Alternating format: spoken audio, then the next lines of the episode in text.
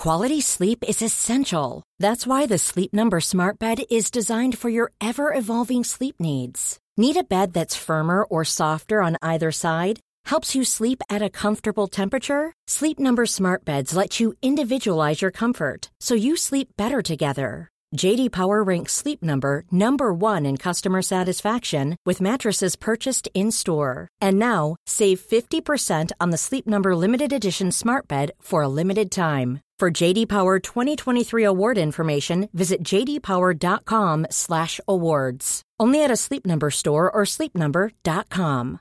Ryan Reynolds here from Mint Mobile. With the price of just about everything going up during inflation, we thought we'd bring our prices down. So to help us, we brought in a reverse auctioneer, which is apparently a thing. Mint Mobile unlimited premium wireless. Ready to get 30, 30, bit to get 30, bit to get 20, 20, 20, bit to get 20, 20, bit to get 15, 15, 15, 15 just 15 bucks a month. So, Give it a try at mintmobile.com slash switch. $45 upfront for three months plus taxes and fees. Promo rate for new customers for limited time. Unlimited more than 40 gigabytes per month. Slows. Full terms at mintmobile.com. Hallå! Simon Gärdenfors heter jag och snart börjar min podcast Arkivsamtal. Nu uppträder specialisterna i Stockholm hela helgen. 26, 27 och 28 april. Fredag, lördag, söndag alltså. Det är jag, Anton Magnusson och Albin Olsson. Experimentet kallar vi den och vi ska testa om det går att kombinera stand-up med live podcast. Efter Stockholm blir det Karlstad, Kalmar, Örebro, Malmö och Eskilstuna. Alla gig hittills som vi haft har varit fullsatta och rena rama skrattfester. Så passa på att haffa biljetter för de tar slut snabbt. Jättesnabbt. Kolla in underproduktion.se biljetter. En kul grej hände nyss. När jag spelar in det här så ligger Paco the Judo Popcorn-spelet etta på bästsäljarlistan på Google Play. Det är ju sjukt jävla kul. Alltså ett spel som är baserat på en karaktär som jag skapat och utvecklat tillsammans med Pike. Så sök på Paco the Judo Popcorn på App Store eller Google Play. Och spela det spelet för det är svinjävla roligt. Nu kör vi dessutom en ny t-shirt-tävling. Grattis till de första som klarar spelet Paco the Judo Popcorn. Ni får en tröja. Men den nya tävlingen den är de första som klarar alla achievements och skickar en screenshot till mig på Instagram vinner en t-shirt. Med Paco the Judo Popcorn.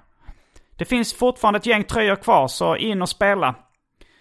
Och glöm inte att se Vesslan på YouTube. Min stand-up special släpptes nyligen och jag har även andra stand-up-gig i andra städer som jag inte nämnt hittills. Som till exempel Katrineholm. Länkar till allt det här hittar ni på gardenfors.blogspot.com. Den här podden och min övriga verksamhet som entertainer får ni jättegärna stötta på patreon.com arkivsamtal genom att pytsa in ett par dollar per avsnitt eller att bara swisha 0760 72 47 28. 0760 72 47 28. Men om du är luspank så kan du väl åtminstone följa mig på Instagram. Det är väl det minsta man kan begära. Där heter jag atgardenfors. Men nu kommer Arkivsamtal som klipps av min redaktör Marcus Blomgren. Mycket nöje!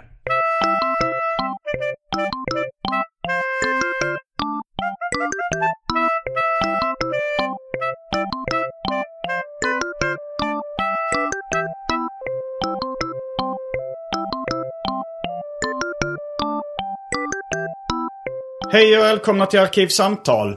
Jag heter Simon Gärdenfors och mitt emot mig sitter Ina Lundström. Ja, Välkommen till din egen lokal i Göteborg. tack. Tack. Ehm, du har varit med en gång förr. Då pratade vi om pizza. Det stämmer ju. Den här veckan så eh, ska vi prata om mat igen. Det känns jätteskönt tycker jag. Du är ju matjournalist i viss mån. I viss mån, absolut. Ja, du, Och- ja, du är journalist och komiker. Journalist och komiker. Med ett eh, stort intresse för mat. Jag är komiker med ett stort intresse för mat. Ja, Journalist är en stretch. Ja, kanske. Ja, en, viss, en viss journalistisk gärning gör jag väl ibland. Ja, jag sitter ju här. Ehm, och eh, idag så ska vi prata om mattrender. Exakt, vi var ju inne lite och nosade på det sist. Ja, det går ju inte riktigt att undvika kanske. Nej. Eh, men idag så ska, tänkte jag att eh, konceptet ska vara att vi börjar med det som du anser är den, sena, den senaste mattrenden. Eh, och sen så vandrar vi oss tillbaks långsamt under den här timmen och ser hur långt vi hinner. Och du skulle inte vara journalist Simon. Kändes det som en eh, journalistisk ambition? Det var en svintajt, ett svintajt intro. Jajamän. Eh, Men innan vi kommer igång på det så ska vi ehm, röra oss mot någonting som inte är mat, men som är dryck. Ja! Det har blivit dags för det omåttligt populära inslaget Välj drycken.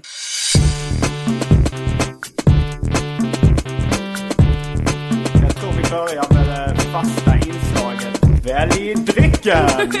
Eh, och det enda jag kan erbjuda eh, det är då en eh, 7-Up Free. Eh, jag vet inte varför de envisas med Free och inte Zero eller Light. Eh, men eh, jag, jag har tagit några klunkar direkt ur den. Så har du basilskräck, vilket jag har, så skulle jag inte rekommendera att dricka ur den. Nej. Eh, men du kanske har, eh, det är ju ändå din ateljé. Ska vi kolla i kylen vad som Mm, det finns? kan vi göra. Mm.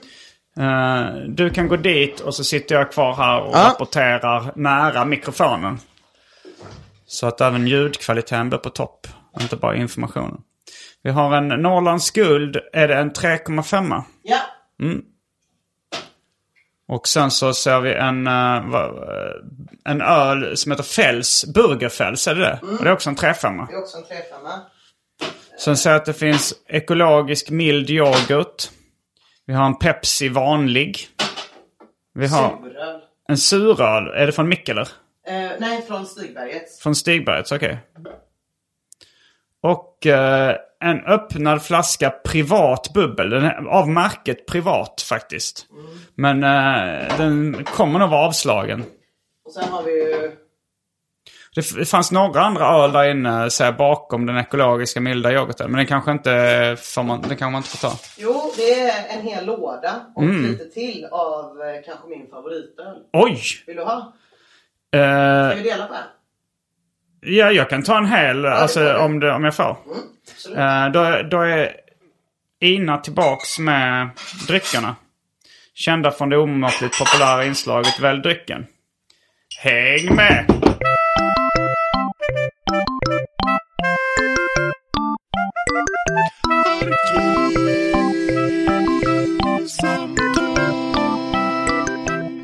Tar lite tid här och kanske hälla upp dem i glas. Man skulle ju kunna ta dem direkt ur flaskan också. Eh, alltså, det är lite andra sortering det här. Så att de kan vara väldigt skummiga. Jaha. Så därför så är det bra att hälla upp i glas. Så att Okej. vi inte spiller Så över nu oss. kan det hända att den... Nej, det är nog, ja, det är nog okej. Ja, men jag kör nog direkt Ah, ur flaskan. ja. Det är alltså då en uh, Stigbergs West Coast India Pale Ale med styrka 6,5. Mm. Kommer eventuellt bli lite packad på det.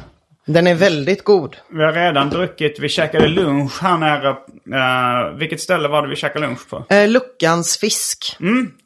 Det var gott och då drack vi en, eh, en 3,5 IPA. Mm.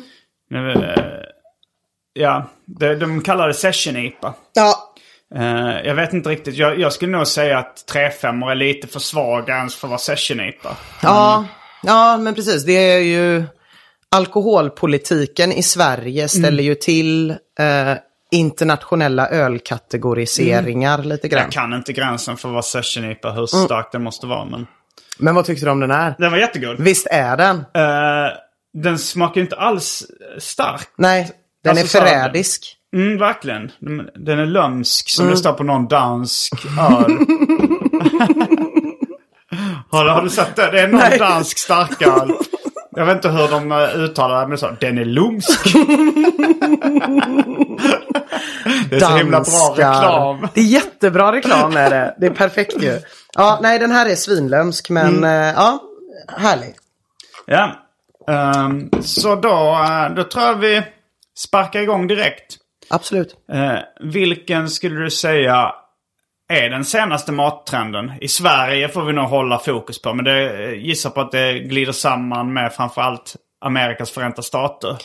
Det gör det ju. Men ska vi se här och nu. Här och nu, Så ja. är det ju ramen va? Ja, den, det, alltså jag, jag är ju lite hemmablind eftersom jag är så stort ramen-fan. Eh, så då får man ju för... Alltså jag, jag, vet, jag är ju medveten om att det är en trend. Eh, men den är ju inte jättefolklig ännu. Den har inte gått samma väg som sushi, kebab, falafel, eh, pizza. Nej. Eh, den har ju liksom inte letat sig in i det svenska folkhemmet.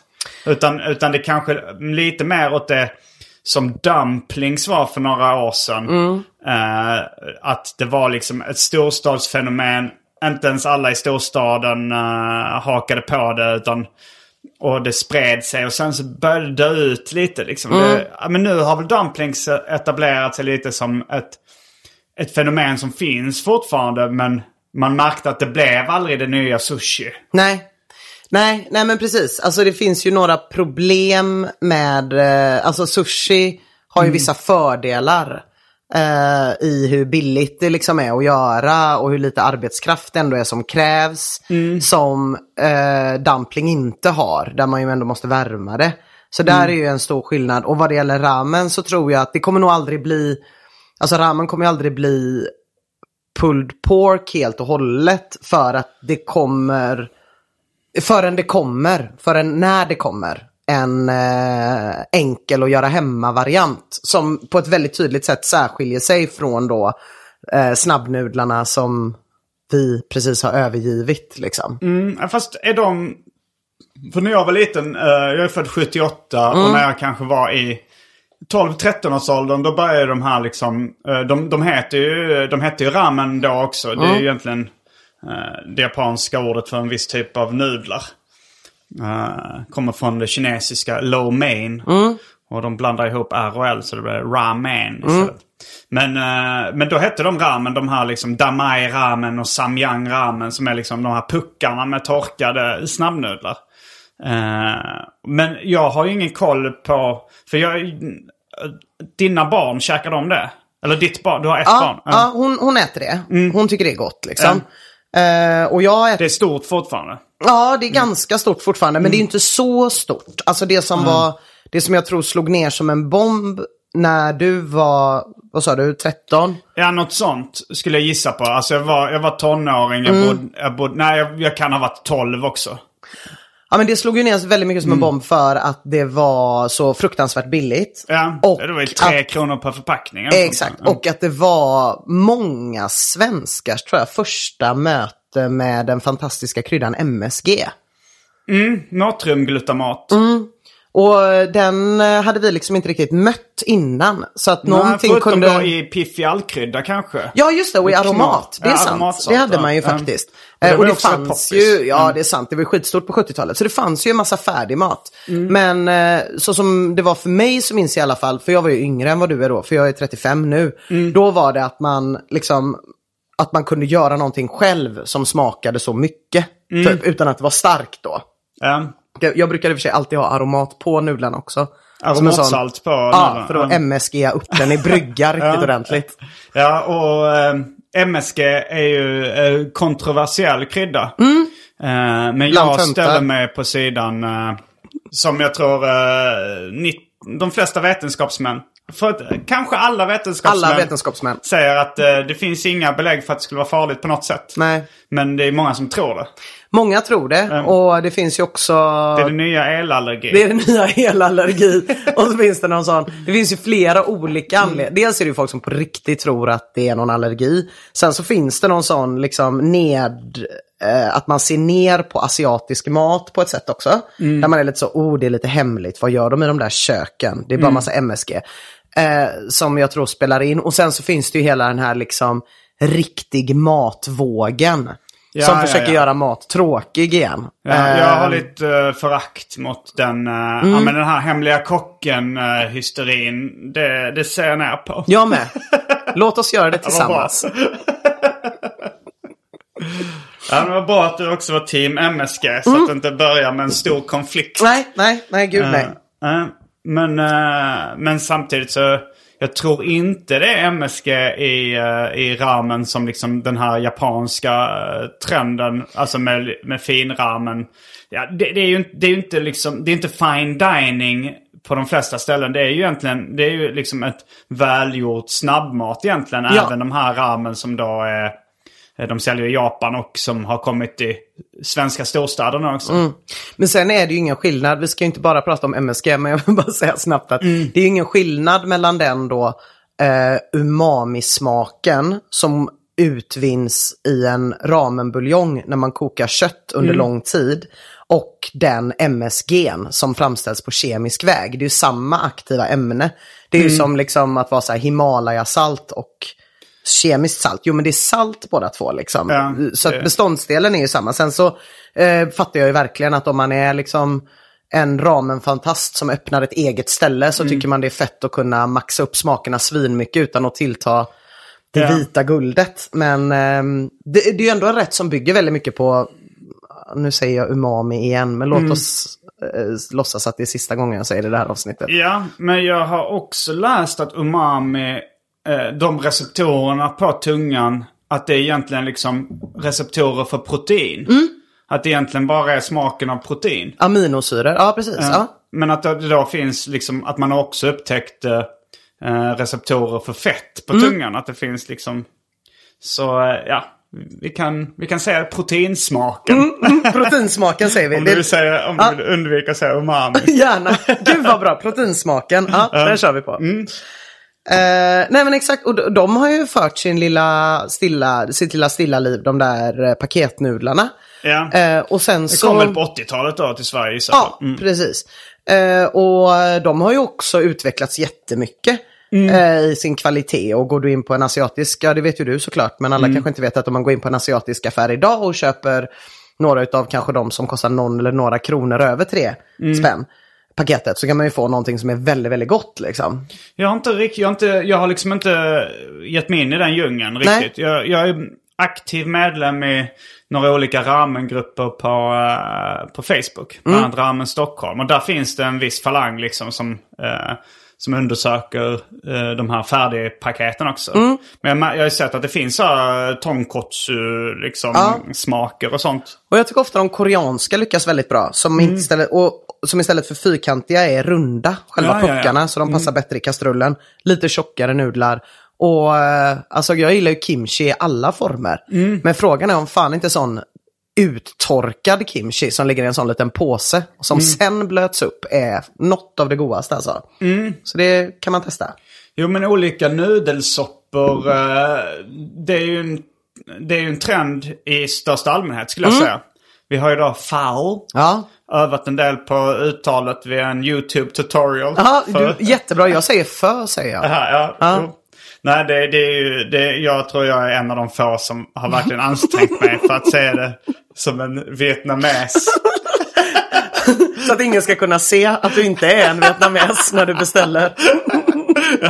Det var en gång i Malmö när eh, jag sa det eh, och eh, han trodde att det var något fel på beställningen. att jag sa fel på skånska. Så, Nej, det har inte blivit fel. Jag sa foul.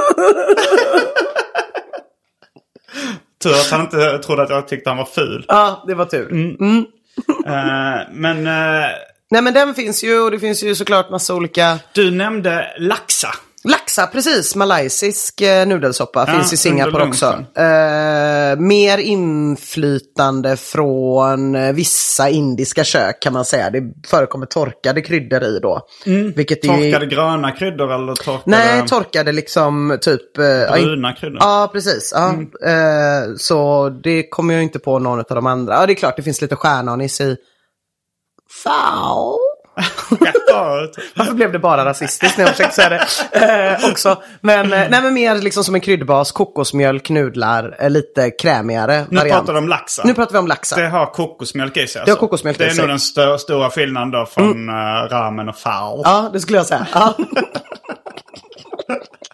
det skulle jag absolut säga. Eh, så det, det, det, har du, finns det i Sverige? Laxa? Kan man äta det den? tror jag inte. Alltså den malaysiska och indonesiska och singaporeanska köken är ju inte... De har ju aldrig fått vara trendiga hittills. Så Men- de har inte kommit hit. För du härstammar från Indonesien. Mm, min mamma är där, men jag bodde i Malaysia när jag var liten också. Okej, ja. Så att jag har varit mycket i den delen av världen liksom. Och det är väl den maten jag helst äter, lagar och också har ätit, mest av i mitt liv. Liksom.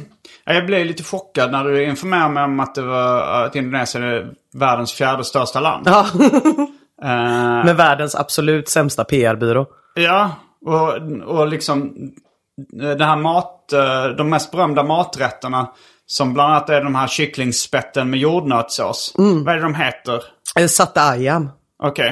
Och de, eh, de tror ju jag, eller trodde fram tills igår, eller förrgår, att det var en thailändsk grej. Ja, och alltså ja, det finns ju garanterat kycklingspett i Thailand också. Mm. Men hela liksom jordnötssåsgrejen är väldigt indonesisk, absolut. Okej, ja.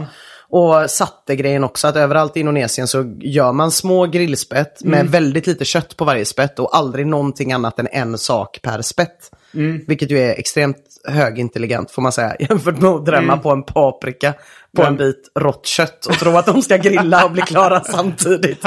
Eh, men eh, ja, som man äter på bambupinnar liksom. Ja, men det, det, det ser du inte någon annanstans i världen så mycket som du ser i Indonesien i alla fall. det är säga. rätt stort i Japan med de här små Ja. grillspetten också med en grej per spett. Just det. Eh, Mm. Jag tror snarare att det särskiljer oss i eh, Europa. Att vi inte har fattat Mm. att det ska vara en grej per spett. Resten av världen har vetat länge. Mm. Även Iran liksom. Ja, eh, det som är, är det i Turkiet det kallas shish kebab. Mm, det tror jag. Ja. Grillspett. Och i, ja, precis. I Iran har du KBD och Shish, barg. spett, kebab, kött. Är det så? Jag tror det. Jag vet, kebab är kött eller grillat Ah, kött i alla fall. Men, Ehm, mm, ja, men, eh, och sen, men jag tror att eh, jag vet, om, om man kan kalla FAO för en trend. Mm. Så kom den före eller efter ramen i Sverige? För det är vissa som säger att i New York så är FAO populärare än ramen just nu. Mm, det kan jag tänka mig. Eh, jag eh, skulle... Ja, det är svårt. Fast de har nog funnits där low key hela tiden. Ja. Alltså och restaurang Asien eh, vid Möllevångstorget i Malmö. De har haft FAO jättelänge. Mm.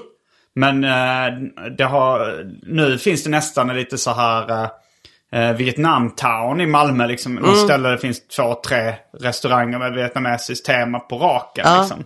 ja, men för det är lite konstigt det där. För jag tror att i USA så tror jag att det kom kanske ungefär samtidigt skulle jag Mm. gissa någon gång. Liksom började, började, började verkligen kanske någon gång runt 2004. Slog någon gång runt 2007, 2008. Ja, Båda de men två det måste ju ha rätterna. funnits innan, alltså så här, vietnameser, Ja. invandrare och sånt. Och, Men och japanska. precis. Men det blir ingen trend förrän det öppnar, förrän en liksom vit dude öppnar en fo eller ramen restaurang. Det är ju då det, man kan säga att det är någon slags trend. Ja. Som att det finns ju ehm, indonesisk mat i Göteborg, men det är ju absolut ingen trend. Nej, nej verkligen inte. Eh, det är frågan är om det, om det skulle kunna bli en trend. Och sen så är det ju också så här vad man, vad man räknar som trend, vad räknas som stark trend. För det var ju så att liksom sushi när det kom så sopade ju verkligen mattan med hela, hela landet. Ja, Och, eh, och det har ju inte dumplings eller fao eller ramen nej, gjort. nej. Eh, Men, men någon form av nudelsoppetrend kanske är den, den senaste tydliga trenden då i Sverige. Ja, absolut, det skulle jag säga. Och, eh, och du pratar, och du har pratat tidigare om uh, mattrenders eh, eh, struktur.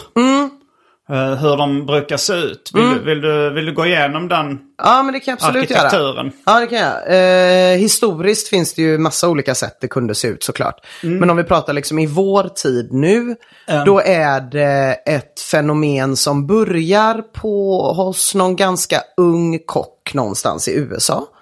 Ehm, I LA eller New York oftast, men det kan vara någon annanstans. Och de allra senaste åren har det ofta börjat med någon slags food truck-grej också, så att den är gatumatskompatibel. Sen så finns den där ett tag, eh, får ett stort inte, eh, genomslag digitalt liksom. Så att det ska också vara något som ser lite härligt ut att fota och lägga upp och sådär. Och sen så dröjer det några år innan det når Europa. Kanske, ja det är olika för olika mattrender skulle jag säga. Men eh, det kan ta fem år innan det kommer till London. Sen dröjer det kanske ytterligare två år innan det når Stockholm. Och sen kan det dröja tre år till inom Sverige innan det når Göteborg och Malmö. Så har det varit liksom med de moderna trenderna vi ser nu. Typ. Eh, sen så finns det ju... Jag, försöker, jag verkligen försöker komma på om det finns någon endaste mattrend de senaste 20 åren som inte har nått oss via USA. Men jag är fan rätt säker på att det inte har det alltså. Eh, ja, det är frågan ifall uh, ramen kom då eh, via USA eller om det kom från uh, hipstersvenskar som åkte till Tokyo. Men där är ju problemet att ramen har ju funnits i Japan länge. Men innan, och, och varit en sjukt stor grej där, jätteviktig grej liksom. Och det finns ju museer och allt möjligt. Och jag menar det har varit en hype länge och som kanske intensifierades på 90-talet. Medans det är ju inte förrän han David Chang som har den här mattidningen Lucky Peach startar Momofoko Noodle Bar 2004 som ramen får den här statushöjningen. Där man börjar se på den inte som en yakitori eller som en ja, nasi goreng eller som en annan etnisk rätt som finns där ute i världen någonstans. Utan som någonting som det bloggas om, det skrivs om, det hamnar i, i mattidningar i västvärlden med glansiga sidor. Eh, Så han var innan eh, Ivan Sorking och Mm. Ivan Ramen i, i New York. Um, jo, för det, det, han är Han är, ser man ju ofta på Netflix eh, Mm. tv-program om, om mat och så, här, David Chang. ja, Eh, men ja, Momofuku käkade jag på i, i New York. Det, det kändes som, det var inte så jättetraditionell ramen. Nej. Men, men den var bra ändå. ja. Men jag tror att då, då får det, då, då, då börjar liksom ramen. Jag tror Vilket år var det sa du? 2004. Okej. Nu har jag väldigt svårt att tänka mig att vi hade suttit här och pratat om ramen nu. Om inte den restaurangen hade öppnat liksom. Ja, För sen, jag, jag, jag vet inte, jag tror jag uh, snöade in på det via att jag eh, var i Tokyo några månader. Ja. Och eh, då var det liksom, eh, ja, men, eh, via nördkulturen där så fanns det liksom då eh, Ramen Giro som hade en sån liksom kultstatus och en, en following liksom. Mm. Som jag blev nyfiken på det via det. Det är i och för sig sant, ramen har ju den grejen som inte exempelvis dumplings har. Eh, men som sushi har. Och det är ju en nördkultur runt sig liksom. Eh, I och med att det består av så många olika komponenter. Eh, så kan man ju verkligen snöa in länge på varje komponent typ. Och Ja. diskutera den på ett sätt som man gör med sushi också. Jo, men, men som jag aldrig har sett någon göra med på samma sätt dumplings. som Liksom. om man är serienörd eller liksom samlar på plastfigurer eller något sånt. Så, Mm. så är det lite samma mekanismer som gör att man då kan bli en ramen-nörd. Att, eh, Precis, men du hade ju kunnat vara en, eh, tycka att ramen var hur gott som helst när du var i Japan och sen hade det ändå inte funnits här. Ja. Så då hade det ju varit svårt att upprätthålla ett intresse kring en maträtt som Ja. är helt otillgänglig liksom. Jo, men det var ju så att då eh, 05 så fanns det eh, inga speciellt bra ramenställen i Sverige. Men då Nej. var det ju att jag började åka till Tokyo varje år för att äta. ja, ja, så kan man göra. Mm. Ja. Då är vi tillbaks efter detta, dessa meddelanden. Ja. Som de kallade reklam i TV4s barndom.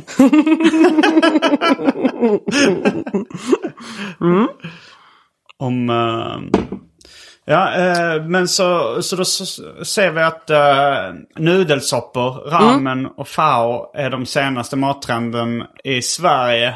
Jag har, jag har gjort ett specialavsnitt av uh, Arkivsamtal om ramen med mm. Orvar Sävström. Så vi kanske ska, vi ska, kanske ska hoppa ett steg tillbaka då. Och ta den näst senaste mattrenden i Sverige. Eller de.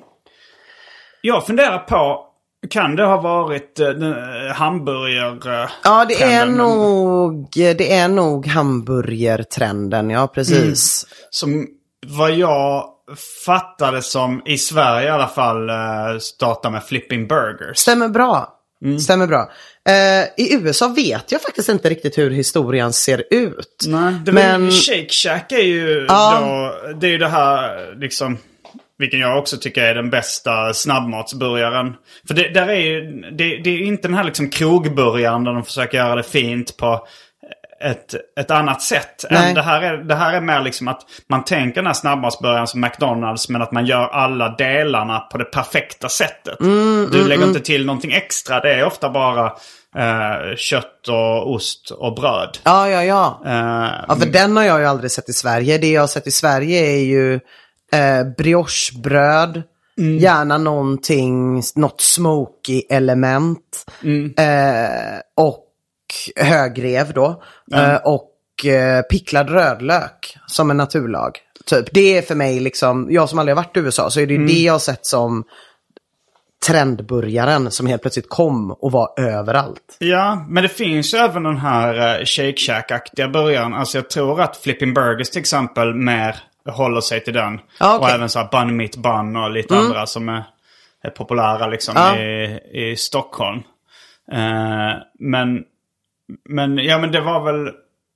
Jag vet inte när det blev en trend i USA. Alltså Nej. att, att eh, bara försöka höja upp hamburgaren lite. Men det, alltså det tänker jag ju att man gör lite grann då och då. Det har man ju gjort liksom, alltså det har man ju även gjort i Sverige fast då har man ju inte gjort den efter den här eh, sötare, glansigare bröd högrevsprincipen. Utan det kan ju bara vara att man har gjort en lite lyxigare, helt vanlig hamburgare. Men Eh, det har de ju gjort också på så här, om man gick till O'Learys så Ja. fick man en lite lyxigare hamburgare Precis. än på McDonalds. Men, eller Sibylla. Men, Ja. men jag tyckte de lyckades aldrig riktigt. nej, Det var nog först då när... eh, Vilket år var det Flippin' Burgers öppnade i Stockholm? jag skulle gissa på 2005. Men jag är inte helt säker, Men, ska sägas.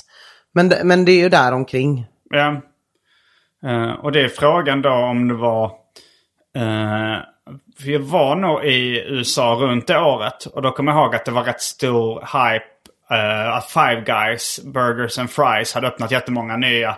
Och de hade lite mer sån ambitiös eh, prägel på, sin, Ja, på sina hamburgare. Men hade, hade, har inte de också, alltså jag jag vet inte exakt vad Shake Shack, hur deras är, men är inte de också med mycket sötare bröd än vad vi är vana vid? Nej, Shake Shack är ganska... Det, det är inte sötare. Det, jag tror Nej. inte det är brioche. Det, det är nog mer... eh, Alltså det är ganska mycket samma sorts bröd som... eh, McDonalds Ja, liksom. McDonalds Ah. fast bättre då. Att de, har, de, har, de har liksom ansträngt sig med alla delar Mm. av tillagningen. Men burgarna är ju spännande på så sätt att de är ju så sjukt eh, tacksamma och hypa.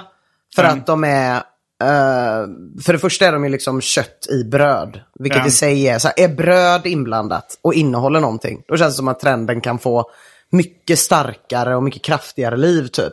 Den går till skillnad från ramen ganska lätt att göra hemma.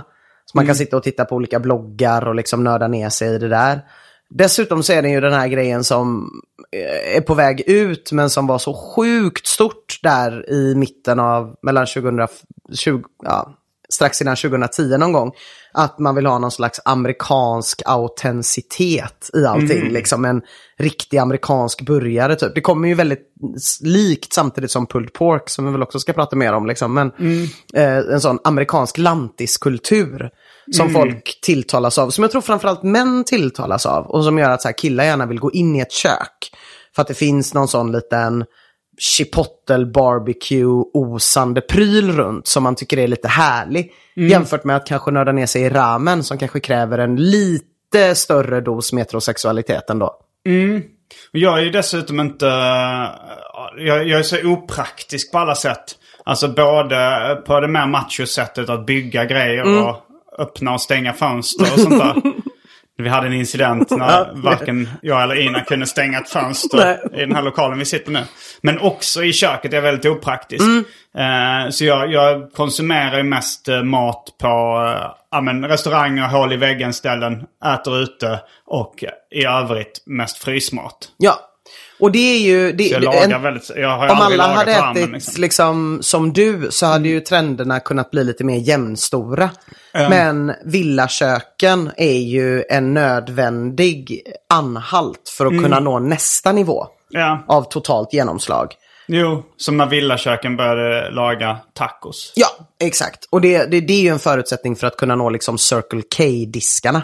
Eh, Typ, jag tror inte att ramen kommer hamna på Circle K nej. innan Inte ens taco någon... har väl hamnat på Circle K-diskarna. Nej, det har den inte gjort. Men det den har hamnat i form av, vilket kanske är ännu större genomslag, det är en smak. Ja, så att när man det. kan smaksätta någonting, när man kan säga att någon, något har en tacosmak, då tror jag att trenden är liksom, då är den helt slut. då har den nått sitt totala. Så här, 7-Eleven och Circle K är ju verkligen på väg till slutet. Men när det är helt dött, då är det att det finns chips med smak av. Liksom. Men det kanske blir svårt med pulled pork-smak på chips till exempel. Ja, men det finns ju. Va? Ja, pulled pork chips. Det finns. Va? Ja, absolut. Jo. Från eh, vilket märke? Jag tror, är det Pringles? Mhm. jag för mig. Ja. För då har man ju verkligen nått liksom. Och, och man kan också se det som att det kommer vidare produktutvecklingar.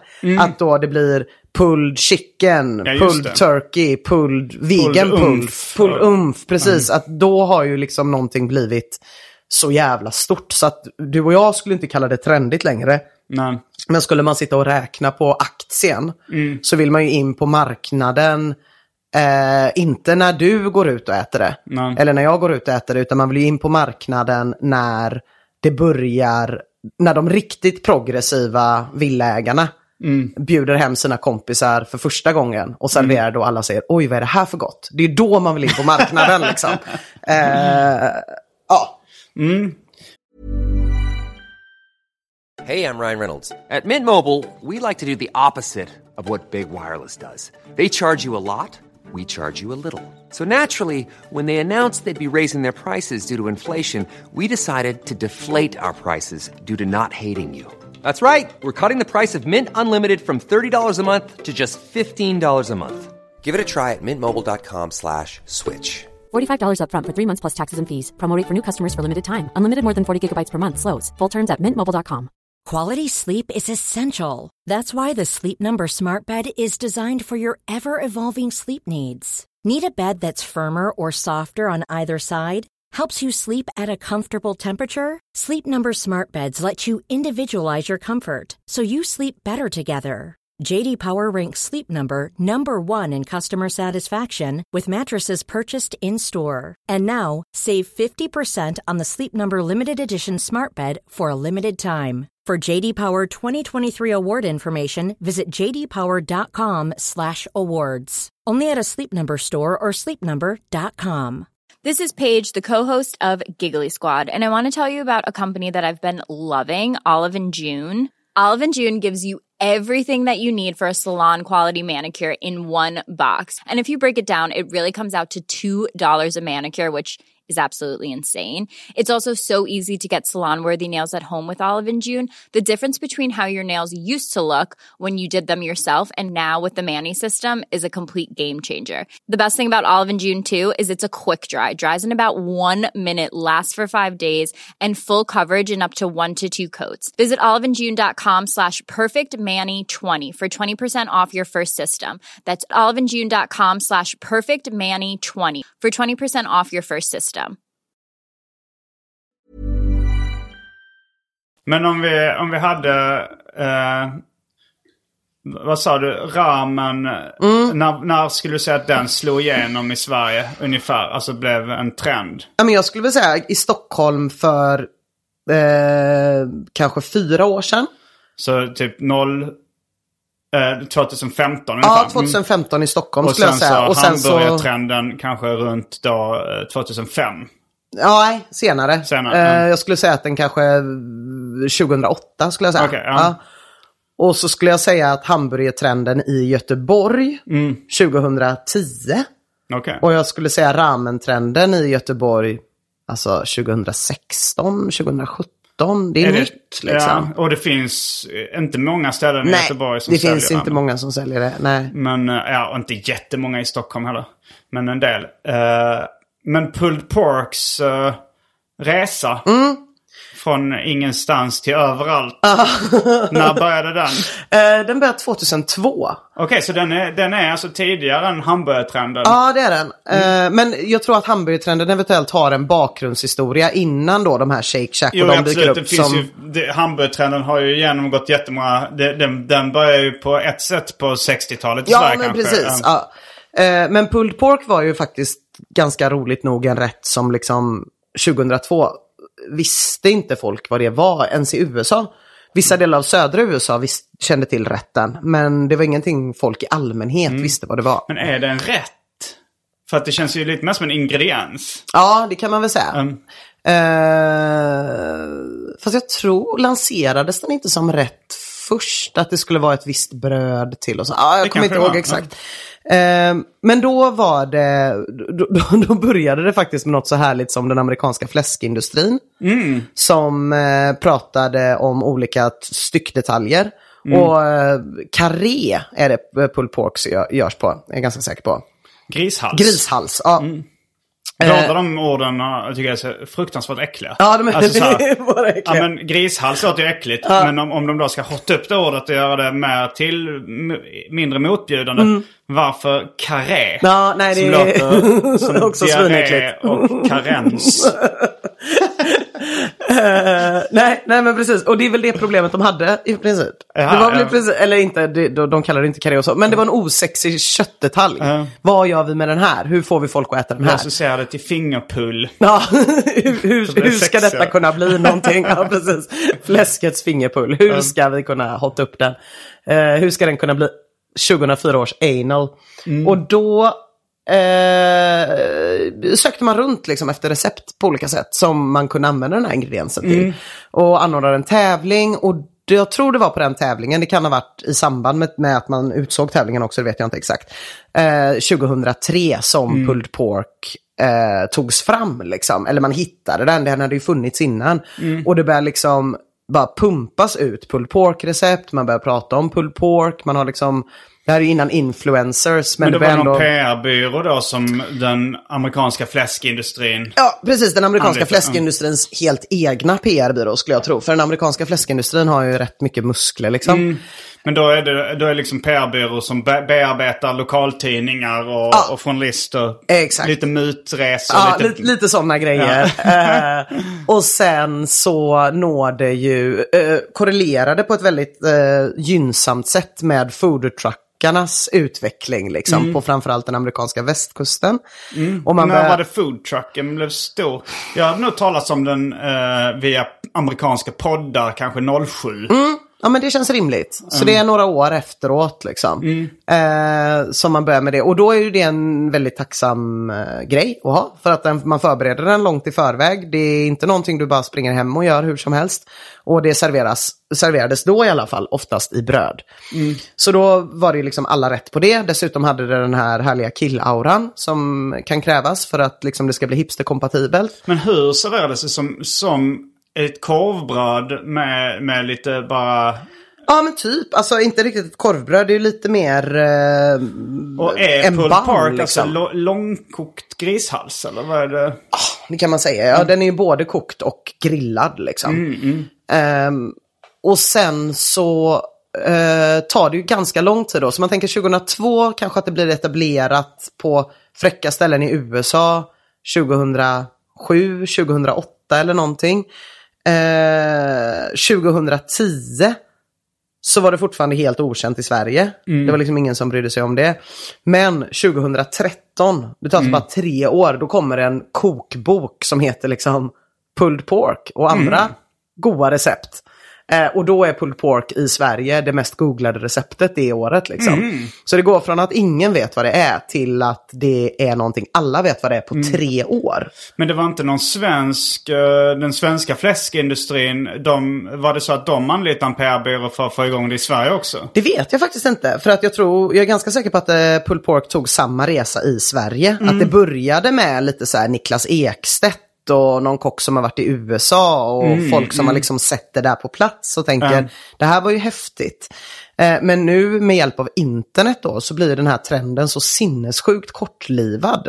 Så att redan 2014, jag tror att Niklas Ekstedt kanske serverade pulled pork på sin restaurang, du vet, i typ en månad innan den är på 7-Eleven. Liksom. Och man bara så här, nej nu går det ju inte längre. Nu kan Nej. man inte längre sälja pulled pork med någon slags värdighet. Liksom. Men har det försvunnit från 7-Eleven nu också? Var, Nej, där lever det ju ett väldigt gott liv. det finns kvar där alltså? Ja, och på eh, kylförpackat i, i i diskarna liksom. Eh, på typ en vanlig ICA-affär och så. Så är det ju jätteenkelt att köpa. Och det är säkert så att det äts mycket mer pulled pork nu än 2013. Men det pratas ju inte så mycket om pulled pork nu som Nej. gjorde 2013. Då var det ju verkligen en sån Alltså sjuk snackis. Och den var också lite nördkompatibel på det sättet att det fanns så många olika sätt att laga det på, olika såser och hur man skulle göra. Och är det här rätt och är det här inte rätt? Och det var väl kanske också då som den här ja, amerikanska lantiskulturen var som mest omhuldad. Jag tror det är då den här moonshinen kom in på Systembolaget också. Känner du till den? Eh, alltså jag, det, det, jag vet ju att det är det amerikanska slangordet för hembränt. Eh, men, och jag har för mig hört att, det kanske till och med du som har pratat om det i någon podd. Ja, att, det är det eh, säkert. Att, att de hade det på, eh, på Systembolaget. Ja. Men var det sprit då liksom? Ja, men precis. Eh, sprit som säljs i sådana mason jar-burkar på bolaget liksom med sånt skruvlock på. Jo, det var väl också så här lite hipster-parodi lite att de eh, drack ur burkar. Exakt. Ja, och, det, och, och, och det var ju väldigt mycket så här, sam, allt det där kom ju väldigt samtidigt. Ja. Och då satt ju pulled porken som en jävla smäck där. Jo. Men den har ju då fördelen som kanske inte ramen har. Mm. Att dessutom vara backad i grund och botten av en jävligt mäktig industri. Ja. På det sättet påminner den ju mer om eh, flintastek. Mm.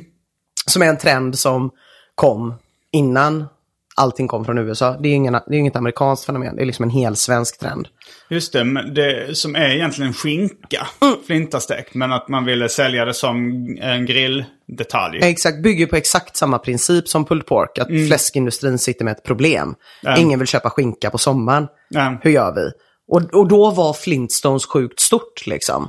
När den lanserades då i mitten på 90-talet, någon gång tidigt 90-tal är det. Gick det på tv då i Sverige? Ja, jag tror det. Mm. Och det var, det var, det var liksom flinta-grejer. Det var, det, det var en allmän Det fanns flintaläsk och sånt där. Ja, också. precis. Och flintagodis. Så då var ju flintasteken... Jo, men jag kommer ihåg eh, när jag var liten när Mm. flintasteken kom. Och jag hade ju inte riktigt... Eh, alltså, reklamvärlden var ändå lite i sin barndom i Sverige Mm. då. Liksom. Men jag kommer ihåg att det var ju väldigt lockande att se de Ah. här tecknade figurerna som stod...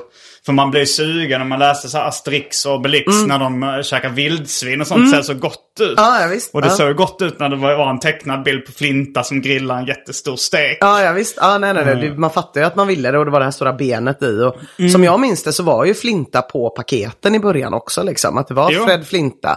Men det Eh, är det kanske inte längre. Nej, nu är det nog inte det. Nej. Och nu är ju det, nu är ju det liksom så här. Nu kan man ju inte imponera om vi går tillbaka till det här villa, den här villaträdgården Ja. då. Eh, de kan ju inte dra upp på en flintastek och imponera. De kanske inte ens kan dra på pulled pork och imponera. Nej, inte imponera, men det, det är väl också, bara det handlar om att de vill ha det, det godaste som finns. De, Ja. eller så, de, de, de imponerar inte med någon med tacos längre. Nej. Men de tycker det är det godaste som finns. Bara. Men, men det finns ju liksom en, någon slags medveten medelklass Mm. som måste skärmas för att det ska bli brett. Typ. Det måste ändå finnas en medveten, det måste ändå finnas en cool villapappa. Mm. Som är lite före alla andra. Som introducerar det och som det sen pratas om. Det där vi åt hemma hos dem. Ja, det Mm. ja, var ja. så gott liksom. Det är den, den personen jag är ute efter. Typ. Och den personen har inte pull, lägger ju inte pulled pork på grillen i sommar. Hon lägger ju inte flintastek på grillen i sommar. Jag är lite osäker på vad den personen lägger på grillen i sommar faktiskt. Men det känns som att det kan bli rökt. Jag kommer ihåg, eh, jag var på en, eh, en grillfest. Det, var, det här var ganska länge sedan. Det här var nog, eh, säkert tio år sedan någonting. Men jag skulle på en grillfest.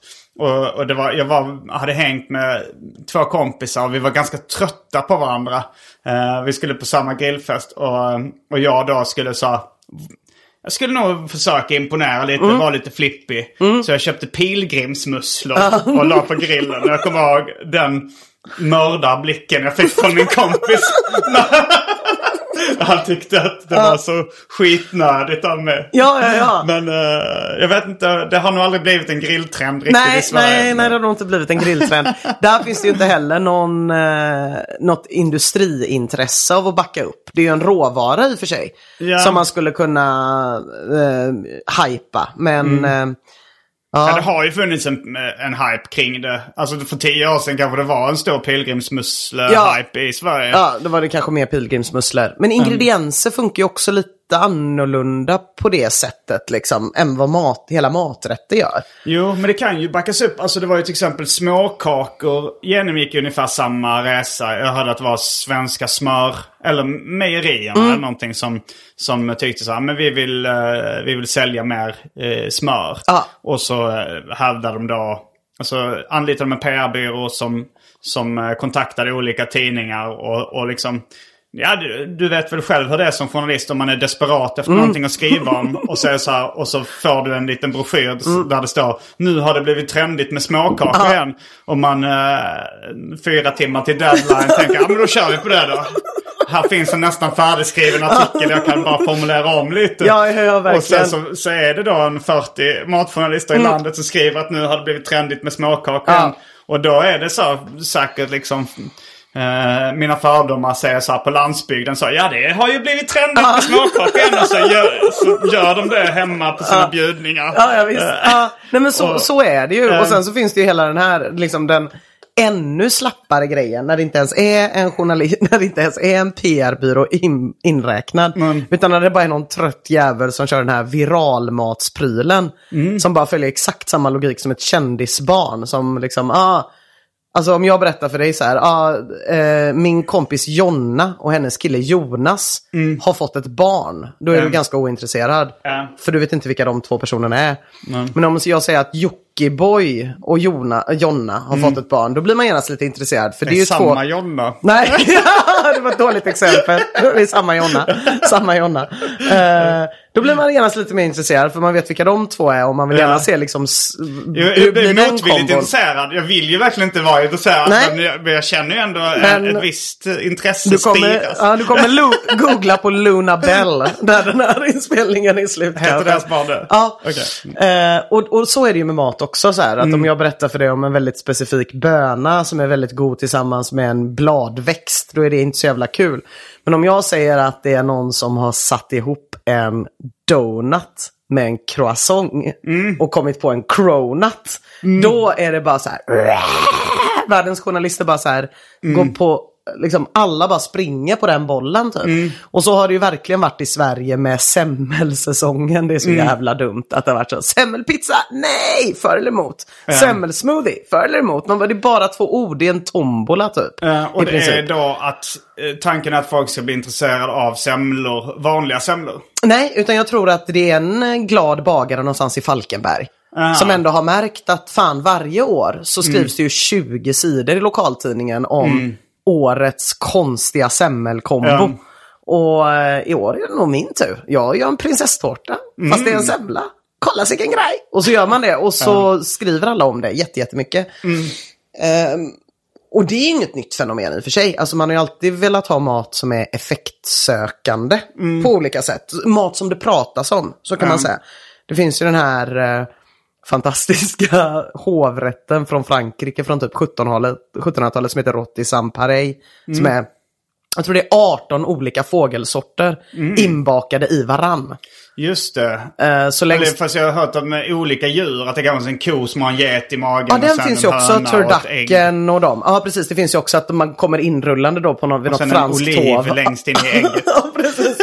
Man kommer på ett franskt hov med en gris och sen så vänder man den så har den en påfågelröv på sig. Aha, det är ju ja. i princip samma sak som en cronut liksom. Ja. Eh, men den här Rottisan Parey, den är väldigt fin. Den kan man googla på. Det finns också folk som har försökt återskapa den då. Rotti sans pareil. Ja, Rottisan Parey. Okej. Mm. Eh, ja, då är det liksom i storleksordning bara olika fåglar som är fyllda med varann. Okej, men har man tagit ut benen och sånt uh, ur dem? Eller? Det vet jag inte om man gjorde på den tiden. Okej. Men, men, men eh, så att liksom hela grejen med att saker, eh, att man vill att folk pratar om den maten man själv lagar och att det är lite så, det är väl lite, det har väl alltid funnits men eh, internet och kanske framförallt Instagram har ju gjort att de där grejerna går så jävla fort nu. Ehm, vilket ju är taskigt då om man till exempel råkade gilla pulled pork. Fast så pratar alla så mycket om det i ett halvår. Ja. Att det liksom inte går att tycka om det längre. Ja, men det, men det har ju som sagt uh, lättats in på 7-Eleven och frysdisken. Mm. Att folk kan ju äta det på samma sätt som folk äter tacos nu. Det, Mm. det, och det, det är ju snack. Det är fortfarande... Ja, det, det är väldigt få som pratar om pizza. På, alltså så här, på, Mm. Ja. ett, eh, på ett sätt som att det skulle vara en ny cool grej. Men folk äter det ju jättemycket. Mm, Ja, ja visst. Ja, och det är väl samma. Är det så med cupcakes eller har de försvunnit? Eh, jag vet inte. Jag, jag var aldrig så jätte inne i den kulturen. Så jag har mest sett det på håll. Mm. Eh, men jag tycker inte man ser det så jättemycket Nej, längre. man gör inte det. Jag tycker inte heller man ser på cupcakes så mycket längre. Nej. Eh, och inte heller, vad heter de, crow, nej inte cronuts, Uh, macaron. macaron. Det var också ett tag sedan. Där kan Ja. man ju prata om en överskattad kaka. Mm, den var trist alltså. Jag har försökt göra det själv också. Otroligt mycket arbete Mm. för något som smakar socker. Ja, de, de, var ju väldigt vackra. Ja, det var De de är ju. färgglada. De kanske kom, eh, kom i och med Instagram. Alltså. Absolut. Alltså cupcaken fick ju sitt genomsbrott i Sex and the City. Mm. Så där var det ju att typ Carrie sitter i något avsnitt och äter en cupcake och innan dess visste liksom ingen vad en cupcake var. Nej. Och helt plötsligt visste alla vad cupcakes var. Mm. Det finns ju några sådana stora tv-ögonblick som har, ja, Babka blev ju aldrig någon världstrend. Men det är ändå någonting folk känner till från tv. Eh, och jag kom i kontakt med, och det tror jag många svenskar gjorde, med hela konceptet take away-kaffe när den amerikanska tv-serien Ally McBeal kom till Sverige. Just det. För att i intromusiken till den så går hon liksom bara runt och är stressad och storstad på ett ganska coolt sätt. Med en hämtkaffemugg. Och vid den här tiden i Sverige, säg att detta är 95, då var ju mobilt kaffe lika med en sån plastmugg med öra som var brun på utsidan och vit på insidan. Just och den går ju inte att gå med. Nej, den är, den är rätt dålig på många sätt tycker Mm. jag. Den, Fotbollscup-kompatibel kanske, men det, det, den, den, den osade ju inte urbanitet. Nej. Men jag tänkte på just den koppen eh, för någon månad sedan. Mm. För då var det så att jag var i, eh, i LA.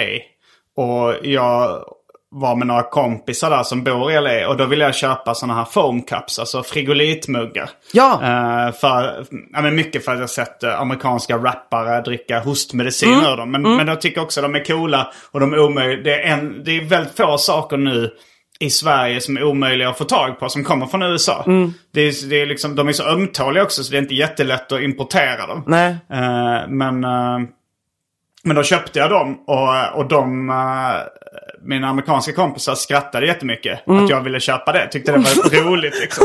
Och, och, eh, och min flickvän undrade så varför tycker de det är så kul? Att du vill köpa sådana. Och så sa jag, men tänk ifall de hade velat ha sådana här bruna plastmuggar som bruna på utsidan och vita på insidan. Att de sa, åh jag måste köpa sådana, de är så himla coola. gud. För att de hade sett det i bron eller vad fan det är som så helst. jävla roligt att vi i Sverige fortfarande är en sån jävla Sovjetland på många sätt. Att du bara suttit och så här, suttit och tittat Tittat på den muggen och bara Åh, amerikanerna ändå. Typ. Och jag är ju exakt likadan. Jag kommer ju aldrig glömma liksom, fan när vi var små och satt och hällde över öl i stora petflaskor som vi hade tagit bort etiketten på för att det skulle se ut som 40s. Typ, Ja, för att man ville det. dricka Ja. så som de gjorde i Kids typ. Eller vilken film det nu var man Ja, kollade Boys på. Hood, eller Boys in the Hood. Society, Eller vilken det var så här att man bara, ah 40s typ. Ja, att det är var också en något sån och- sak som är svårt att få tag på i Det Sverige. jättesvårt. Ja, Mm. precis. Det är Och- också, det köper jag alltid när jag Det är klart man Mm. gör. Mm. Ja, jag har aldrig varit där som sagt, men i Spanien har de 40s typ. Ja, de har skoll. Ja, ja, och Chibeca öl finns också som sådana stora liksom. Så Mm. det är så här, man köper i Barcelona och så går man runt där och känner sig rätt mäktig ändå. Men Ja. också när man tänker lite mer på det, oerhört Sovjet. alltså, säljer en massa saker ha råd med ett par blå jeans typ. Det är ändå, är ändå deppigt. Ja, men det, var, det var faktiskt i Spanien jag köpte en av mina första 40s. Mm. Men det var det märket SKOL. S- Som, de, eh, som någon spanjor där sa att det är, det är det skandinaviska ordet skål de försöker efterlikna. Eh, jag Så såg- de försöker rida på, för det finns ju fler exempel på. När man försöker så här få det att låta skandinaviskt. I Ja, USA ja. som Hägendas exempelvis. Ja, det, det, ja, skandinaviskt var nog Häagen-Dazs tänker jag mer att det är Schweiz, Österrike. Ja, kanske, men, men det kom en kopia till Häagen-Dazs som heter Frusen Glädje i USA. Jaha! Uh, Frusen Glädje.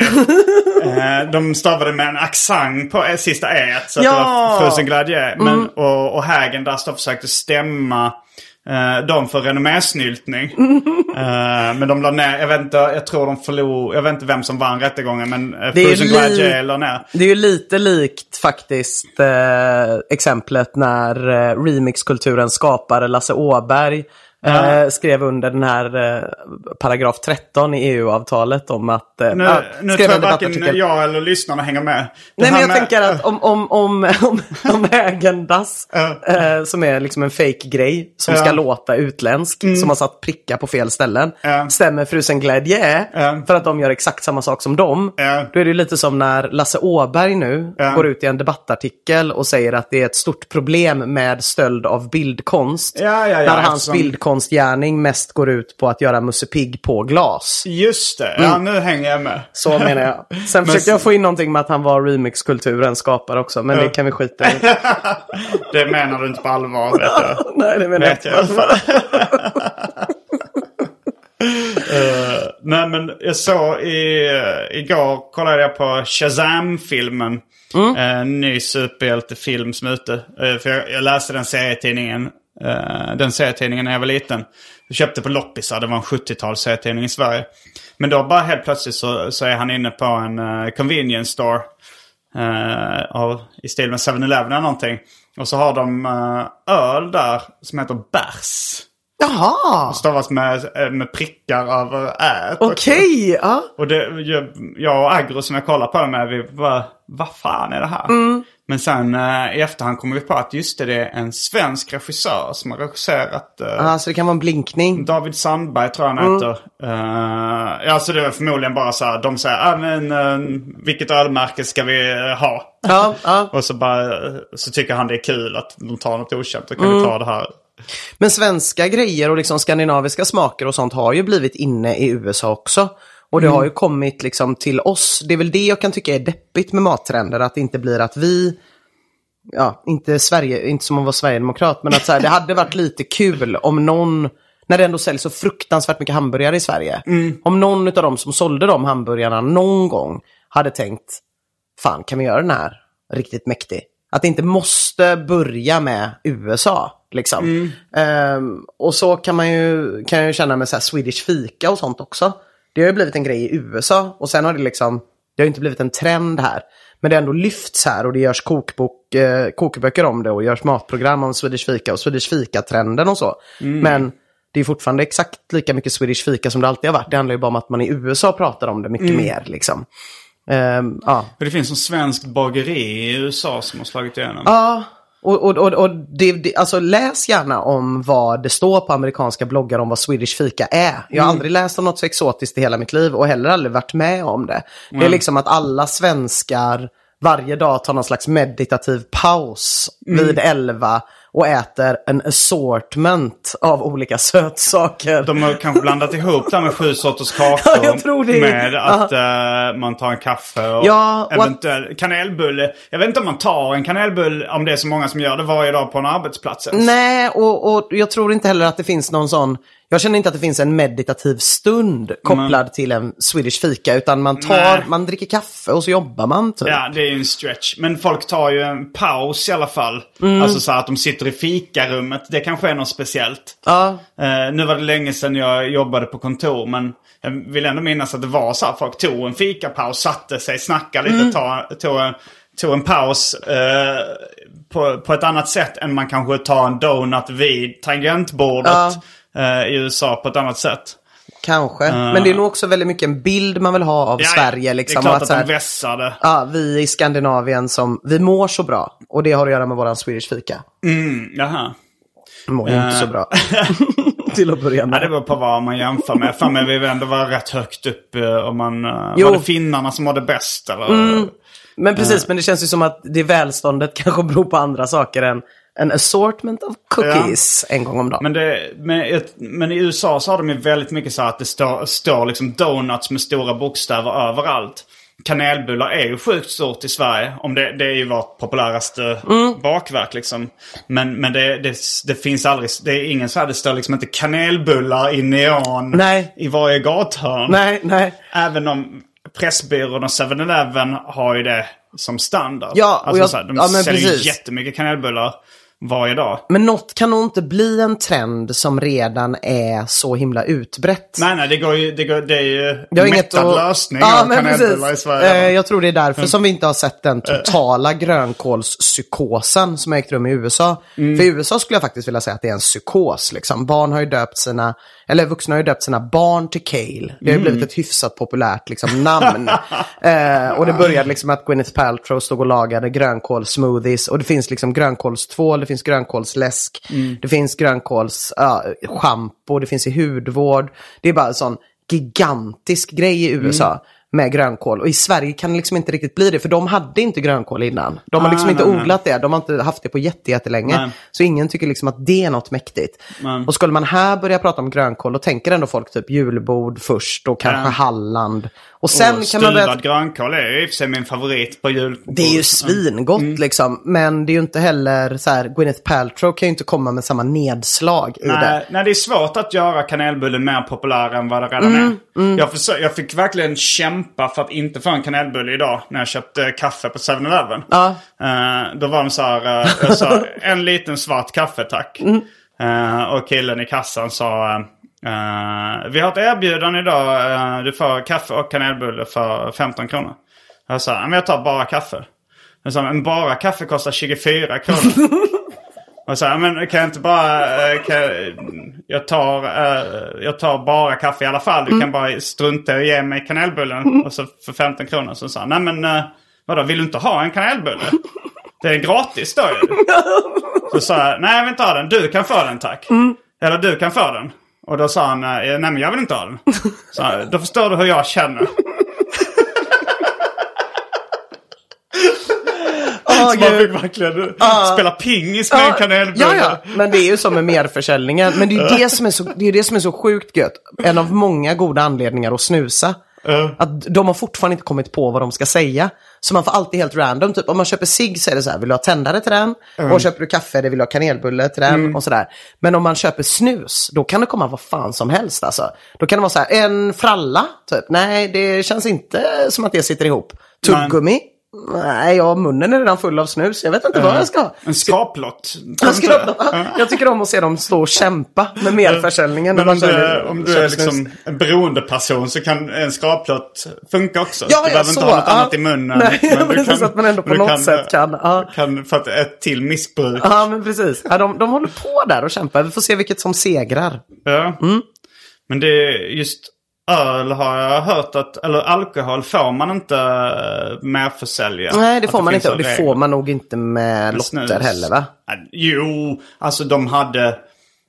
På Pressbyrån vid något tillfälle så sa de alltid eh, Vill du ha en skraplott? Eller om det var på Hemköp. Ja, ja, Att, att det stod till och med så här. Om kassörskan inte frågar om du vill ha en skraplott så får du, det här, får du den gratis. Ja. Eller något sånt där. Att de liksom verkligen pressade. Försökte. Ja, pressade. Nej, men eh, Sig frågar de ju om man vill ha tändare till. Alltid mm. när man köper cigaretter så frågar de om man vill ha tändare. Ja, men med är väl så här, man får inte ha en två för en erbjudande. Nej. Du får inte ha, du får, eh, jag har hört att liksom serv, serveringspersonalen får inte fråga, vill du ha en öl till? Vilk, vilket de bryter mot hela tiden. Ja, Och vilket jag inte- någon gång har påpekat. var på mina kompisar tyckte jag var ett stort, stort rövhål. Mm. Jag håller med någon i den här berättelsen. Jag säger inte vem. Nej, men de får inte servera människor som är påverkade av alkohol heller. Så Men det de får blir happy problematiskt. hour är lite ändå liksom... Mm. eh, Men de har ju inte, de, de har inte rabatter då. Längre. är det inte det de har? Nej, inte nu Att det är längre. billigare? Förr hade de ju det. Förr fanns det ju klocköl. Time beer, Ja, det var ju det bästa. Det, var- fanns här uppe i kostade, Masthugget. 16 kronor om man var där klockan fyra. Ah, Perfekt, Ja. Och sen ja. Mm. ökade, ja. ja men det kommer jag ihåg jag käkade, eller drack på, vid, vid Stureplan någonstans när jag jobbade. Mm. På Egmont serieförlaget då. Då gick man och tog en time beer ibland. Ja, nej men det, det var ju härligt. Och två för en var ju standard, särskilt i Göteborg. Men de får inte ha happy hour nu med billigare priser i Sverige. Nej, det var i och för sig ett tag sedan jag såg det. Jag, jag misstänker att man inte får det i alla fall. Det, blir, det blir gissning på det, men jag, det, var, ja, det var väldigt länge sedan jag såg reducerat pris på alkohol. Så att man, var det därför after worken kom kanske? Möjligen. Eh, För att locka in att- samma publik. Alltså det, det, syftet för krogägaren är att få in folk Så att folk inte sitter hemma och förfestar. Mm. Utan om folk kommer till, krogen direkt efter jobbet, då behöver de ju bygga hela sitt alkoholkonto för kvällen i Mm. hans bar. Eller hennes liksom. Eh, medans då, så, så då happy hour är ett sätt, men ett annat sätt är ju after work-buffén då. Att Just det, här får du ja. lite chips och majs om du kommer Ja, klockan men det, fem. det har lite försvunnit. Ja, eller är det större i Göteborg? Nej, nej, det är inte alls som det var runt millennieskiftet. Nej. Men kan det också vara för att man var ung och fattig då? Eller jag var i alla fall ung och fattig, så då hade man koll på vad det fanns efter Jo, work. men man borde ändå ha sett det lite. Ja. Alltså, men after work nu är ju... Eh, jag, när du snackar om after work så tänkte jag bara så här, ta en öl när man slutar Ja, ja. jobbet. Liksom. Att det inte är det här buffé-konceptet. Alltså de hade väl lite så här taco eller Ja, det någonting. var lite olika grejer. Ja. Men en av de bästa grejerna med after work är också att det är en sån pseudo-anglicism. Ja, det har jag också läst. Att det är ett svenskt uttryck. Även after ski. After ski, ja, och blinkers. Blinkers. Ja, det är också, det. Ja. Det är väldigt roligt när man vill, det är ju lite då som Frozen Gladye. Ja. När man försöker få någonting att bara låta som ett annat land. Ja. Men man tar inte något som faktiskt finns. Utan man tycker det är lite roligare att hitta på något. Typ. Eh, Men ja, nej, jag har hört om många kompisar som har varit i USA när de har varit där och jobbat och så. Som har frågat dem. You wanna go for after work? What do you mean? I liksom. den artikeln jag läste sa jag så att fenomenet finns ju i eh, till exempel Storbritannien framförallt. Men där heter det pub. Och den brittiska pubkulturen är så överlägsen alla andras. Eh, jag har inte upplevt den på så nära håll. Nej. Eller så här, jag, jag har aldrig jobbat sådär. Så att eh, jag har väl bara... Fast de stänger väl jävligt tidigt? Ja, men det är ju så lysande upplägg. Att man går ju dit svintidigt och dricker och sen är man typ hemma klockan 11. Eh, jo, det, det är ju bra. Men det är också rätt frustrerande när de stänger liksom. Ja. Och sen så måste man antingen gå på nattklubb eller... eh, det, det är ju deppigt. Jag tänker att börjar man tillräckligt tidigt så blir man bara glad om de stänger. Ja, det... Ja, nu nu var, jag, nu var jag liksom... Det skulle jag kanske bli nu när jag är 41. Mm. Men när jag var där som 21-åring, då, då ville jag ju fortsätta Ja. Mm, supa liksom. Nu, nu tycker man det är skönt att få en ursäkt att sluta. Ja, faktiskt. Supertrevligt ju. Apropå att få en ursäkt att sluta. Vad tycker du om den här uh, segwayen till att börja runda av? Jag återkommer till det jag sa i början och du skulle inte vara journalist va? Ja, vi hann eh, inte så jättelångt tillbaks i tiden. Nej, Vi kanske får ta en del två där vi börjar där Pulled Park slutar och jobbar oss bakåt. Ja. Kom, vi kom aldrig, eh, vi, vi nuddar, snuddar vid tacos och, och pizza och igen. Och, vi kanske börjar vid liksom kryddor och kaffe någon gång på 1400-talet. Jobbar oss ja, vi ska ta det åt, Ja, ja, ja, motsatt håll. ja, det är ju jävligt roligt. Se om vi möts någonstans i mitten. Skulle du säga att det är en av de första svenska mattrenderna? Kryddor och kaffe? Ja, kaffe, absolut. Ja, Ja, det börjar med kålsoppa.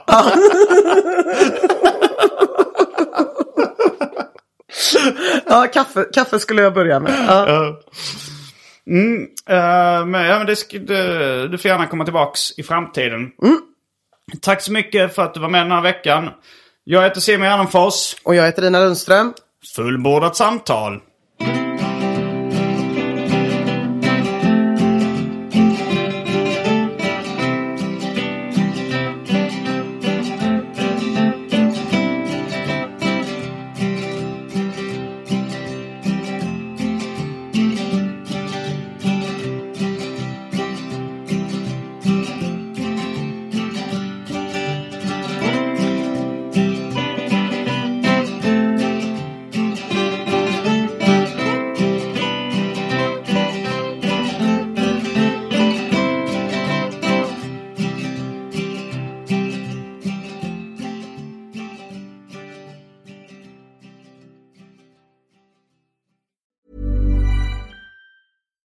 Deserves the best, and there's no better place to shop for Mother's Day than Whole Foods Market. They're your destination for unbeatable savings, from premium gifts to show-stopping flowers and irresistible desserts. Start by saving 33% with Prime on all body care and candles. Then get a 15-stem bunch of tulips for just $9.99 each with Prime. Round out Mom's menu with festive rosé, irresistible berry chantilly cake, and more special treats. Come celebrate Mother's Day at Whole Foods Market. Planning for your next trip? Elevate your travel style with Quince. Quince has all the jet setting essentials you'll want for your next getaway, like European linen, premium luggage options, buttery soft Italian leather bags, and so much more. And is all priced at 50 to 80% less than similar brands. Plus, Quince only works with factories that use safe and ethical manufacturing practices. Pack your bags with high-quality essentials you'll be wearing for vacations to come with Quince. Go to quince.com slash pack for free shipping and 365-day returns.